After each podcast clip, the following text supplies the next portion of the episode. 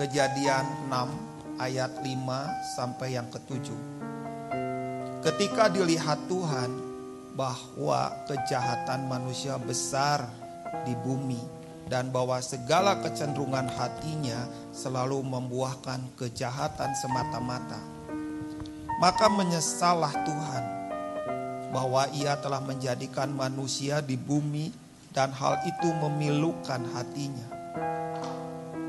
Berfirmanlah Tuhan, aku akan menghapuskan manusia yang telah kuciptakan itu dari muka bumi, baik manusia maupun hewan dan binatang-binatang melata dan burung-burung di udara sebab aku menyesal bahwa aku telah menjadikan mereka.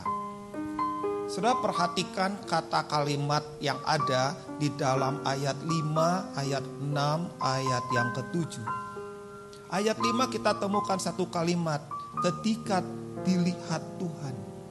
Tuhan melihat segala sesuatu dalam hidup kita dan Tuhan ingin menemukan sesuatu yang yang sesuai dengan hatinya.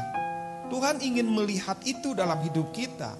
Di ayat yang keenam, maka menyesalah Tuhan.